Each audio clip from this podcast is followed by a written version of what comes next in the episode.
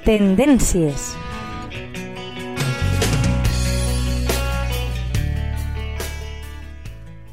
Hola, amics de la teua ràdio. Benvinguts una setmana més al Tendències.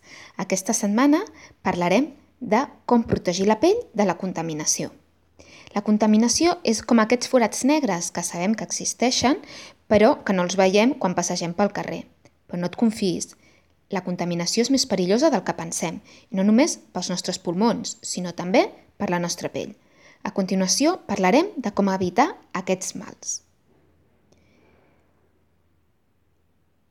Els cotxes ens han ajudat molt, però també han perjudicat a la nostra salut.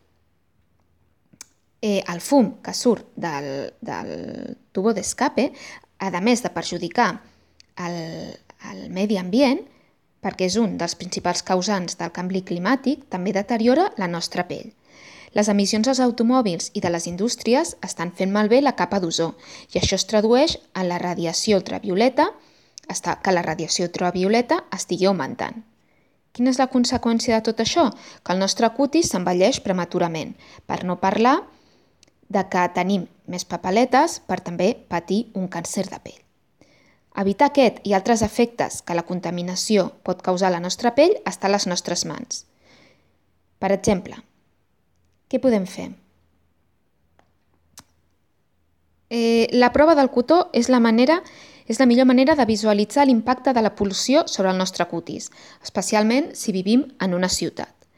Els nostres eh, poros, eh, tot i que no es pugui apreciar a simple vista, estan bruts. Així que, tot i que no fem servir maquillatge, hem de tenir eh, una higiene molt escrupulosa. Hem d'utilitzar a diari, tant pel matí com pel vespre, un netejador per netejar la pell d'aquestes partícules tan minúscules que deterioren a l'estat de la nostra pell. La contaminació també incrementa el nombre de radicals lliures, que ataquen el col·làgen i a l'elastina i afavoreixen l'aparició d'arrugues i de flacidesa. Si no volem que aquestes molècules ens guanyin la batalla, hem d'aplicar diari una crema que contingui antioxidants i vitamina C per frenar aquest envelliment. Una de les conseqüències de la pol·lució és que danya a l'ADN de la pell i això el que fa és entorpir la regeneració celular. Activar aquest, hem d'activar aquesta funció amb exfoliants o tractaments amb àcid glicòlic, que ajuden a retirar les cèl·lules mortes i a que la pell respiri. La pol·lució també asfixia els teixits, d'acord? Perquè eh, el que fa és aportar menys oxigen i això es tradueix en una pell apagada i satrina. Per treure aquesta pell grisàcia de, de la nostra cara hem d'utilitzar fórmules que incorporin vitamina A i vitamina E per tenir un cutis més il·luminat.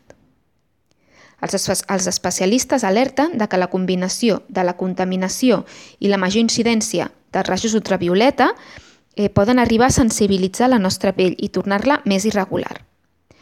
Per això hi han dues solucions, evitar les exposicions excessives al sol i utilitzar a diari un, foto, un fotoprotector amb un índex de 30 com a mínim. I espero que us hagi agradat la secció d'aquesta setmana. Fins la setmana que ve!